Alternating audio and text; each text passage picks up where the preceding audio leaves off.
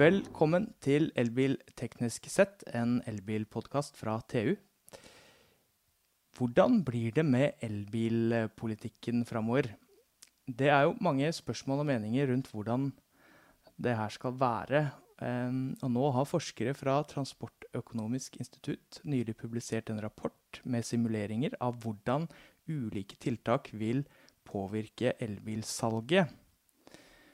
Uh, med meg i dag så har jeg min kollega Mathias. Velkommen, Mathias. Tusen takk, tusen takk, Marius. Og så har vi tøyeforsker uh, Vegard Østli, som er en av forfatterne bak denne rapporten vi skal snakke om i dag. Her er den. Her er en hard copy av rapporten. Der er den, vet du. Så bra. Eh, Vegard, i dag så er det jo ingen moms på elbiler, eh, og heller ikke noe engangsavgift. Hvordan hadde elbilsalget sett ut dersom det ble innført full moms og engangsavgifter på elbiler? Nei, det min kollega Lasse Fridstrøm og jeg finner ut uh, i den rapporten uh, Mathias akkurat viste fram, uh, vi beregner at elbilsalget antageligvis ville mer enn halveres hvis du innfører moms og engangsavgift på elbiler. Og grunnen til det er jo relativt enkel. Bilene, elbilene vil jo bli dyrere, og det gjør alle andre biler relativt, relativt sett billigere. Så da vil folk heller velge å kjøpe andre typer biler. Vi beregner f.eks. at uh, det vil selges rundt 80% flere ladbare hybrider og 60% flere bensin- og dieselbiler dersom man innfører denne politikken for elbiler med, med, med moms og engangsavgift. Og en utslippsøkning på rundt 60% finner vi også for, med den politikken. Så det er en betydelig endring fra dagens situasjon. Hvordan har dere kommet fram til disse resultatene? Det er jo slik at vi har tatt utgangspunkt i et datasett fra Opplysningsrådet for veitrafikk, som registrerer alle nye bilsalg i Norge.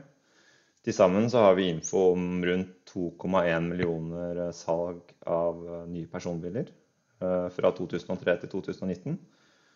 Og her har vi eh, relativt detaljert informasjon om eh, hvilke modellvarianter som er solgt, og hvilke egenskaper disse modellvariantene har med tanke på motorstørrelse og, og antall dører og pris og om det er forhjulsdrift, bakhjulsdrift. Eh, stort sett det meste av informasjon, rent teknisk informasjon.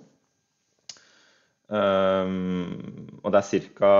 informasjon om et par tusen modellvarianter per år. Så det er en veldig detaljert oppdeling også. Med bakgrunn i det datasettet da, så har vi beregna en statistisk modell som har som mål å tallfeste hvordan de ulike egenskapene ved en bilmodell påvirker sannsynligheten for at denne bilmodellen skal bli valgt av en bilkjøper. Og Da ser vi helt konkret på hvilke avveininger en konsument gjør i kjøpsbeslutningen.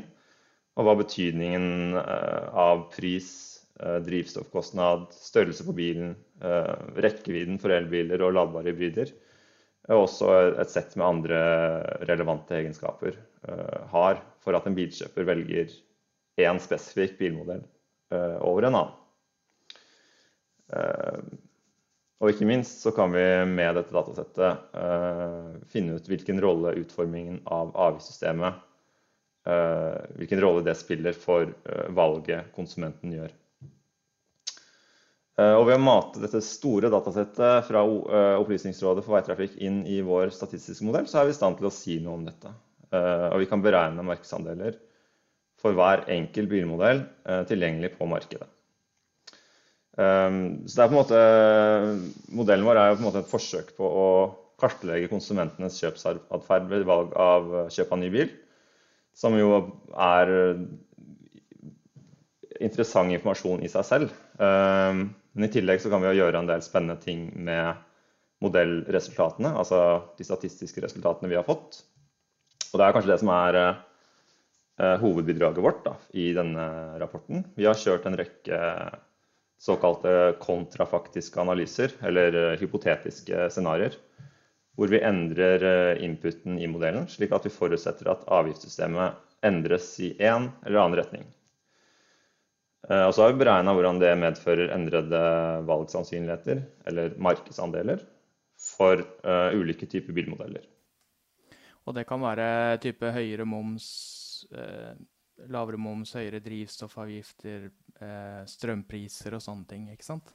I prinsippet så kan vi, kan vi variere alle mulige eh, ting som påvirker uh, kjøpsavgiften for bil. Uh, og det er jo, de tingene du nevner her, er ting vi har sett på i, i våre beregninger. Uh, og Så kan vi sammenligne uh, hvordan det gjennomsnittlige CO2-slippet fra nye biler påvirkes dersom du endrer uh, avgiftene. Og også hvordan inntektene eller provenyet til staten påvirkes. Og Så sammenligner vi det med, med, det som er dagens situasjon. Og det er en kalibrert 2020-versjon. Så vi ser på markedsandelen i dag, og hvordan sammensetningen av bilselga er i dag. og så innfører vi annen, uh, et annet avgiftsregime, og så ser vi hva som skjer med markedsandelene. Altså I tillegg så har vi også sett litt på hvordan teknologisk utvikling påvirker eh, sammensetning av bilsalget. Og da har vi sett eh, litt på f.eks. hvordan rekkevidden for elbiler og ladbare hybrider påvirker etterspørselen etter biler. Så vi har også sett litt på teknologisiden da, i, i denne rapporten. Mm. Nå er det jo sånn at eh, rapporten eh, viser eh, hvordan det ville sett ut i 2020 hvis man endra på de forutsetningene. Kan dere bruke modellen til å si noe om fremtiden? Svaret på det er tja. ja, med forbehold, vil jeg si da. For det, det, er en modell som kan brukes til å spå bilsalg i framtiden. Og det er altså ting vi har gjort før. Men da vil du få en betydelig usikkerhet som spiller inn, med tanke på at vi vet ikke hvordan elbiler vil se ut om fem år. Om rekkevidden vil øke med gjennomsnittlig rekkevidden for elbil vil øke med 50% eller 100% Og Det er sånn type input vi bruker for å beregne, beregne fremtidig salg. og Det er ting vi også kunne gjort, og det har vi gjort i en tidligere analyse. Men vi har ikke gjort det i denne rapporten. Men øh, ja. Enhver framskrivning av, slike resultater vil jo bli ganske usikker. Men det er mulig. Og Dere har jo regna på ja, er det 27 ulike scenarioer. Um, dette med halvert elbilsalg med full moms uh, er jo ganske et heftig resultat. Men dere har også regna på dette forslaget Ap vel kom i sin tid, uh, om uh, moms på over 600 000 kroner.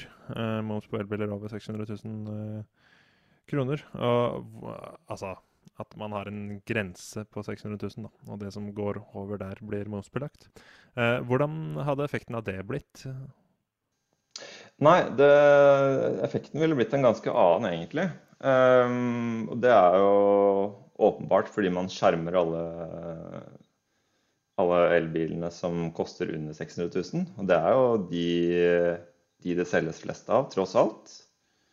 Det kan være en Nissan Leaf eller en ja, Opel Ampera eller noe lignende. Mens uh, det selges jo riktignok en del Teslaer, for all del, men de er jo uh, et mindretall biler som påvirkes av, av, denne avgiften. Så du vil få i sum så er det færre Altså reduksjonen i, i elbilsalget vil påvirke færre elbiler, for å si det sånn. Så du får en betydelig mindre nedgang i antall elbiler som selges, fordi du kun ser på de bilene som koster over 600 000. Så da finner vi en nedgang på rundt 3-4 eh, i, i antall eh, elbiler. Og tilsvarende vil utslippene kunne øke med 4% i et sånt scenario, slik vi har beregna det. Så det kan jo kanskje synes å være mer eh, treffsikkert med tanke på at økningen i klimagassutslipp blir mye mindre enn dersom man øker momsen for alle typer biler. Eh, og Samtidig så vil du også få, eh, med en, en slik type politikk, vil du få en betydelig økning i provenyet til til staten, selv om, eh, selv om da elbilsalget ikke går så mye ned. Så Det er jo på en måte en, en politikk som er mer eh, spesifikk, men som har helt andre type effekter enn en, en, eh, flat innføring av moms og engangsavgift for alle elbiler. dere har jo også sett på ulike momsnivåer. Ikke bare 25% moms, men 5, 10, 15 og 20 um, Hvordan er resultatene ved de ulike Er det en, er det en lineær nedgang i elbilsalget jo høyere moms, eller? Uh, ja, tilnærma. Uh, det er uh, Du får jo selvfølgelig en, en, den største nedgangen når du har full moms. Og så ser du at det er en relativt jevn lineær nedgang i i reduksjonen av solgte elbiler hvis du endrer denne momssatsen ned til 20, 15, 10 og 5% Så ja, det, det virker ut fra våre resultater at, at, det er relativt sånn jevn lineær økning på det, faktisk. Uh, mm. ja. Så det kan skaleres uh, ganske greit sånn sett. Mm. En av de interessante tingene jeg, jeg så, var at 10% øk, altså 10% moms på elbiler ville gitt mye uh, mer nedgang i elbilsalget enn 10 økning av uh, prisen på elbil. Altså selv om prisen går fra f.eks. 400 000 til 440 000 i hvert enkelt tilfelle, så vil det, vil det være mange færre som kjøper elbil hvis det, hvis det tillegget i prisen er pga. avgiften, enn tillegget i prisen er pga. høyere pris fra, fra fabrikk. Hvorfor, hvorfor er, det sånn? Eh, det har mye å gjøre med hvordan vi har konstruert modellen vår. Eh, en av variablene vi har inkludert, en av forklaringsvariablene vi har inkludert, er jo, er jo et slags kvalitetsmål på bilen, som sier noe om hvor mye av bilen, hvor mye, mye, av prisen på bilen er det som er avgifter, og hvor mye er det som faktisk er eh, produsentpris. Så hvis den andelen er høyere, altså at hvis, større, hvis, hvis, hvis du har større andel produsentpris og mindre andel avgifter, så er det noe som verdsettes av, eh, av kjøperen. Da. Og i våre scenarioer så er det jo sånn at hvis du øker I de scenarioene hvor vi øker prisen, så har vi forutsatt at denne kvalitetsandelen holdes eh, lik.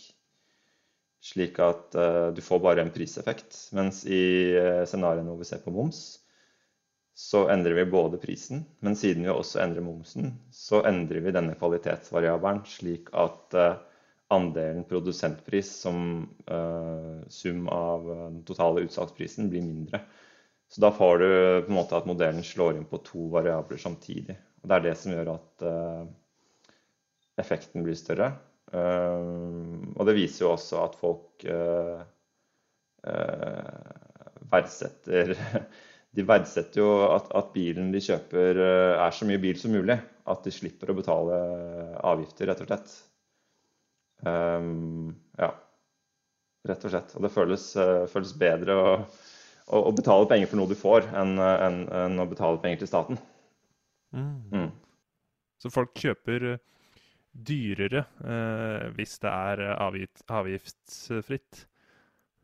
Ja, det er jo det, er, det, kan jo være litt absurd, men det kan jo være en sånn type effekt. At folk eh, eh, kjøper Tesla rett og slett fordi det er en måte å, å slippe å betale avgifter til staten, sammenligna hvis du skulle kjøpt en lignende bensinbil. Da. Så det, er, eh, kan godt hende at du har sånne effekter i spill her, faktisk.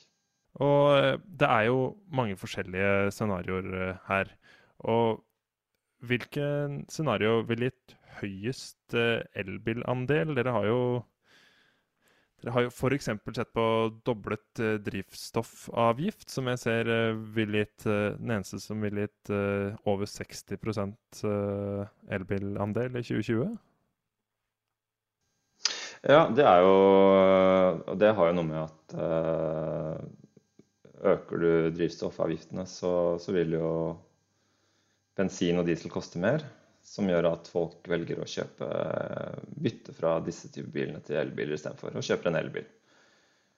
Uh, samtidig så er det jo sånn at uh, de scenarioene vi har sett på, er jo et utvalg av scenarioer. Og vi har jo på en måte ikke utforsket hele mulighetsrommet av scenarioer vi kan se på innenfor uh, avgiftssystemet. Uh, og hvis vi, ville, hvis vi, ville, det, så kunne vi funnet et scenario som, som ga uh, høyere, høyere elbilandel også. Uh, det handler på en måte bare om å skru hardt nok til. Her har vi sett på f.eks.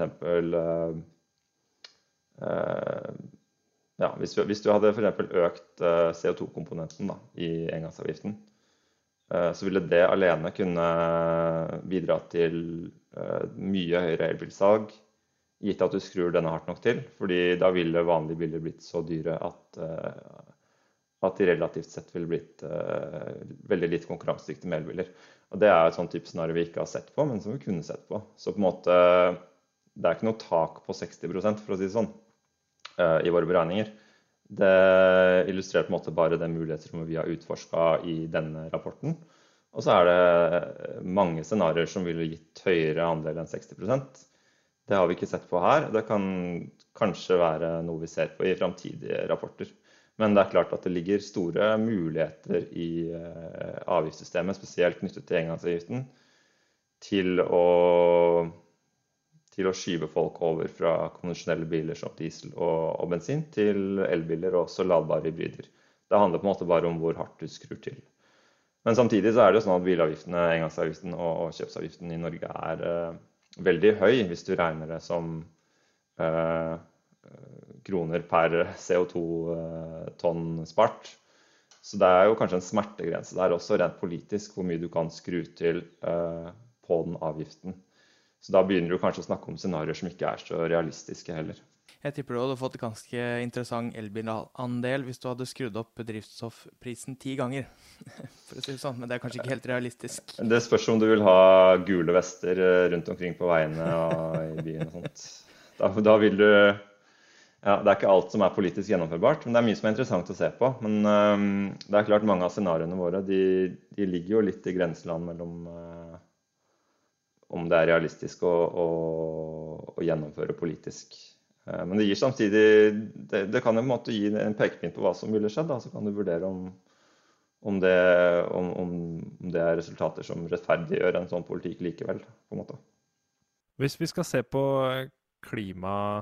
klimaeffekten her, eller CO2-effekten på CO2-utslippet Det er jo tross alt eh, det som er mye av argumentasjonen for 2025-målet om 100 eh, nybilsalg skal være utslippsfritt. Dere skriver bl.a. at dette med full moms, altså 25% på elbiler i 2020, ville gitt da en 60 økning av uh, CO2-utslippet for nye personbiler.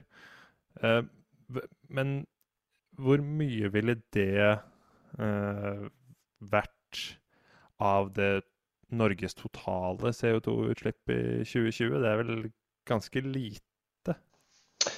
Ja, det er jo sånn at eh, transportsektoren står vel for ca. en tredjedel av norske fastlandsutslipp eh, i Norge. Og persontransporten står jo for en betydelig andel av det igjen. Jeg er litt usikker på andelene, men jeg lurer på om det er godt over halvparten i hvert fall. Så det er en betydelig, betydelig, betydelig utslippsmengder. Um, og så er det jo sånn at uh, hvis det selges litt mer elbiler ett år, så har jo ikke det så mye å si for de totale utslippene fra bilparken. Men um, dette er jo biler som skal kjøres uh, i mange år på norske veier. Så du har jo på en måte en, uh, en lag i, i, når virkningene av en sånn politikk inntreffer. så en bil som selges i dag, Eh, om det er en dieselbil eller en, bensin, nei, en elbil, har ikke så mye å si for totale utslippene fra bilparken. Men det har noe å si eh, kanskje de neste 15 årene, hver dag den bilen er ute på veien eh, og kjører rundt omkring. Kanskje 10 15 20 000 km i året. Og hvis du summerer opp eh, utslipp, altså forskjellene i utslipp mellom en eh, dieselbil og en elbil, så blir det ganske betydelige utslippsreduksjoner i løpet av, et, av levetiden til bilen. Da.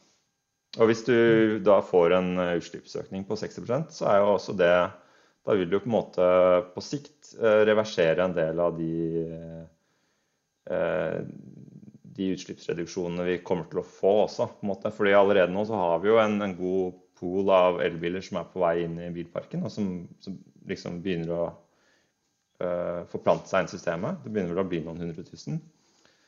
Uh, hvis du da øker avgiften igjen, eller innfører, gjeninnfører moms og, og engangsavgift for elbil, så, så, vil jo på en måte disse bilene, når de forsvinner ut, når de er ferdigkjørt, på en måte, så vil du kanskje, hvis du da får flere dieselbiler inn eh, som nye biler, så vil det bidra til at utslippene fra sektoren øker igjen. Men det er jo en, en ganske, den der timelag-effekten er ganske stor her. Så det er ikke, det er ikke sånn at, uts, at salget et enkelt år bestemmer eh, de totale utslippene fra, fra personbiler i Norge. Men det har noe å si på sikt, og det har en kumulativ effekt.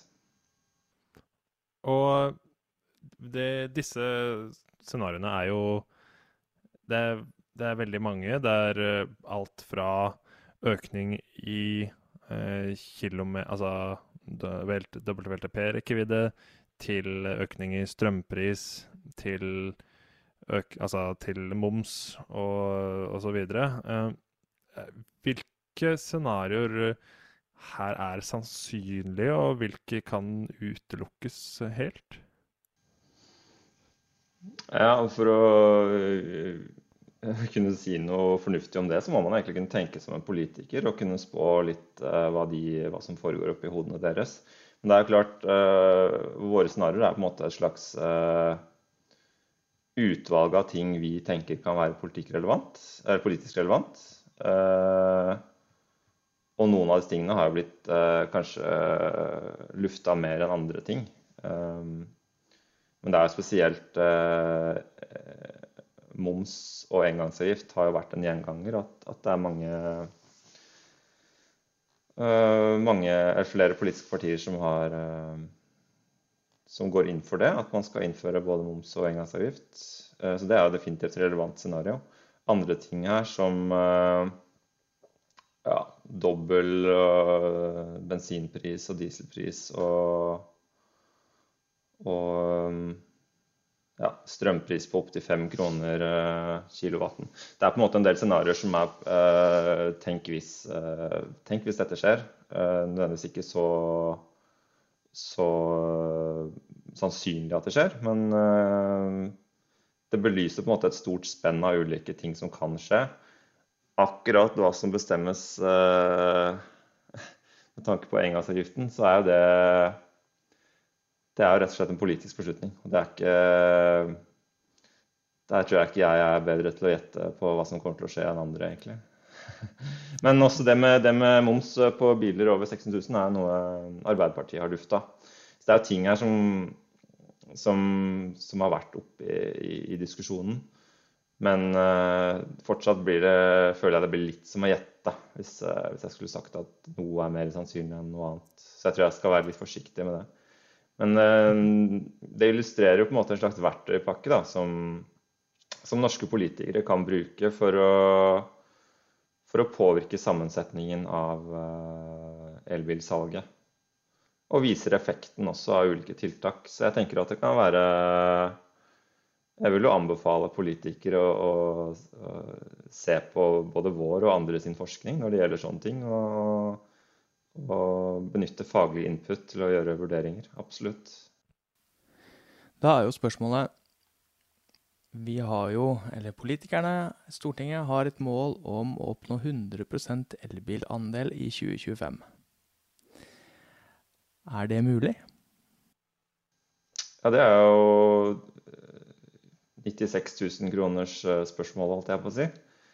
Ehm, nå viser jo våre beregninger at, eh, at de virkemidlene som ligger i avgiftssystemet i Norge, er eh, veldig kraftige. Og de kan,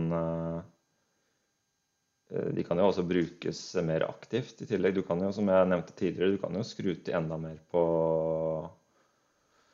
på avgiftssystemet for konvensjonelle biler for å fremme salg av, elbiler. Så det er mye man kan gjøre for å Det er fortsatt mulighetsrom i, i avgiftssystemet for å øke, øke, elbilsalget. I tillegg så har jo våre beregninger også vist at rekkevidde, økt rekkevidde for elbiler og ladbare hybrider er, eh, vil kunne medføre økt eh, salg av sånn type biler.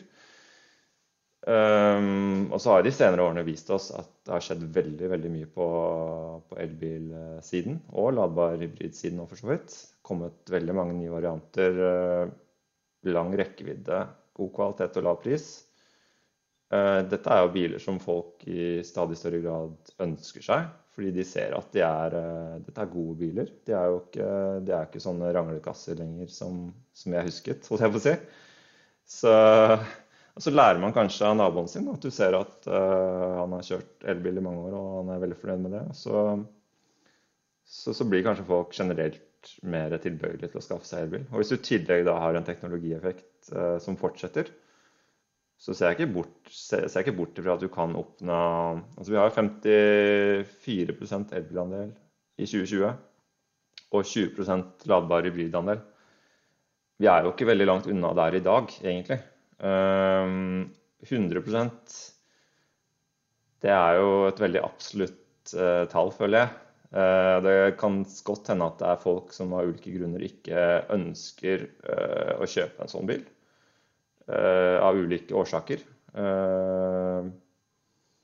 uten at jeg skal spekulere i hvilke årsaker det kan være. Men uh, f.eks. så er det jo mange som ikke kan ha ladeinfrastruktur hjemme hos seg selv. Og hvis disse bilene ikke blir eh, Hvis man f.eks. ikke skulle få så, så, bra teknologisk utvikling de nærmere årene, da, eh, rask utvikling, så, så, vil nok mange være skeptiske til å, til å ha bilen sin på, på gateplan midt i byen på Grünerløkka og, ikke vite helt hvor du skal lade den neste gang, om du kommer deg på jobb. Så det er kanskje sånne ting, da. Men Definitivt. Jeg tenker at uh, når, disse bilene ser ut til å bli stadig bedre, og 2025 er fortsatt noen år til, og vi allerede i dag har uh, meget høy andel uh, elbil og ladbar hybridandel, så, så ser jeg ikke bort fra at vi kan øke det enda mer i, i årene som kommer fram mot 2025. Men 100% er jo ganske mye. Ganske mange ting som skal klaffe her, da. Du skal gjerne ha teknologiutviklinga, og man skal ha eh, politikere som ikke er altfor gira på å fikle med, med, med avgifts, hvordan de avgiftsbelegges. Blant annet kanskje også hvis bensinprisen går litt opp. Eh? Hvis ben, bensinprisen skulle gått veldig mye ned og, og, strømmen veldig mye opp, så kunne jo det Det er liksom ikke alt Om jeg har forstått det riktig, da, så er det ikke alt man kan nødvendigvis bestemme, eh, uten at man skal forby eh, salg av eh, f.eks. fossilbiler i 2025. Nei, ikke sant. Du er nok inne på, inne på noe der. At uh, det er mulig at, uh, at det trengs noe mer nyanserte og gjennomtenkte løsninger enn uh, en det som har kommet til nå. Uh, F.eks. differensiering med tanke på geografiske områder på en litt mer hensiktsmessig måte enn i dag. Så I tillegg så må man også tenke på hvis man En annen ting er jo hvis man får en så høy andel eh, elbiler etter hvert, da. Så er det noe med at disse bilene er jo veldig attraktive å bruke også, fordi de er så billige. Så på den andre siden så bør det antageligvis vurdere litt hva man skal gjøre med tanke på på hvordan man regulerer bruk av elbiler også. Fordi man vil antageligvis kunne få en del uh, økt bruk av bil, rett og slett, når flere folk kjøper elbil. Fordi de er uh, relativt sett mye billigere å bruke enn en, bensinbiler og vanlige biler. Så det er på en måte en annen side av saken. Da. så det er på en måte en avveining som gjelder der også. Men det vil jo igjen også kunne påvirke salget av elbiler. Så det er på en måte det er en del vekselsvirkninger ute og går. Ikke sant. Vi skal eh, snart runde av. Og, men for å oppsummere litt, så tolker jeg eh, rapporten og deg dit hen at det, elbilsalget er ganske sårbart for avgifter, i, i hvert fall i anno 2020. Um, eh, men det vil ikke nødvendigvis si at det, det blir like sårbart i 2025, når uh, teknologien og utvalget har kommet seg? Eller har jeg tolket feil da? Nei, jeg tror du har tolka meg helt riktig. Jeg tenker at når disse bilene stadig blir bedre, noe, noe våre beregninger viser, er jo at økt rekkevidde bidrar til at flere kjøper elbil. Og hvis man tenker seg en uh, stadig forbedring av elbilteknologi fram mot 2025, så uh, så er jeg ikke i tvil om at disse bilene vil bli stadig mer attraktive også for kjøpere. Og da tenker jeg at, de, at det er mindre behov for disse fritakene de har i dag, med tanke på, på momsfritak og, og engangsavgift. For da er dette biler som i større grad vil kunne konkurrere på, på egne bein med, med, konvensjonelle biler. Og da tror jeg at folk også i større grad vil kunne godta at det uh, innføres uh, en viss form for avgift, om det er gradert moms eller uh, hva det skulle være. Men jeg tror det er viktig at hvis man ønsker å opprettholde elbilsalget, hvis det er politisk ønske om det, så mener jeg man, basert på våre beregninger, at det kanskje vil være lurt å vente litt, da. Uh, hvis man ikke ønsker en drastisk reduksjon i salget. For det er det våre bevis, beregninger tyder på. At hvis du innfører dette i dag, så vil du på en måte fjerne mye av, av kjøperne av elbiler. Men hvis du venter noen år, når bilene har blitt bedre, så tror jeg at, det, at, at den effekten, eh, den reduksjonen i, i, etterspørsel vil bli eh, langt mindre. Fordi bilene rett og slett er bra nok. Eller de er bedre enn i dag. Og de relativt sett har de økt sin konkurranseevne mot, uh, mot konvensjonelle biler. Da ble i hvert fall jeg ganske mye klokere. Hva tenker du, Marius? Ja, det er ehm, det, det her med avgifter på elbiler og elbilandelen og sånt, det er veldig lett å tenke på det litt sånn svart-hvitt. Sånn. Enten så skal vi selge elbiler, så skal vi ikke. Men det er ganske mange nyanser her, altså. Det er jo i det hele tatt et veldig komplisert tema. Og vi har på en måte bare Vår modell er på en måte bare én side av det også. Uh, hvordan disse elbilene brukes og hvilke, bruks, altså hvilke, insentiver man har til bruk av elbil, er også veldig viktig for salg av elbil. Og det er noe vi ikke egentlig tar hensyn til i vår modell. Så det er jo også ting som vil påvirke salg og bruk av elbil. Um, mm. Mm. Bra. Da skal vi eh, takke for oss.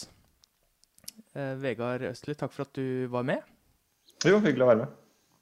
Og takk til dere som eh, så på eller hørte på. Så ses vi igjen neste uke. Yes. Ha det bra.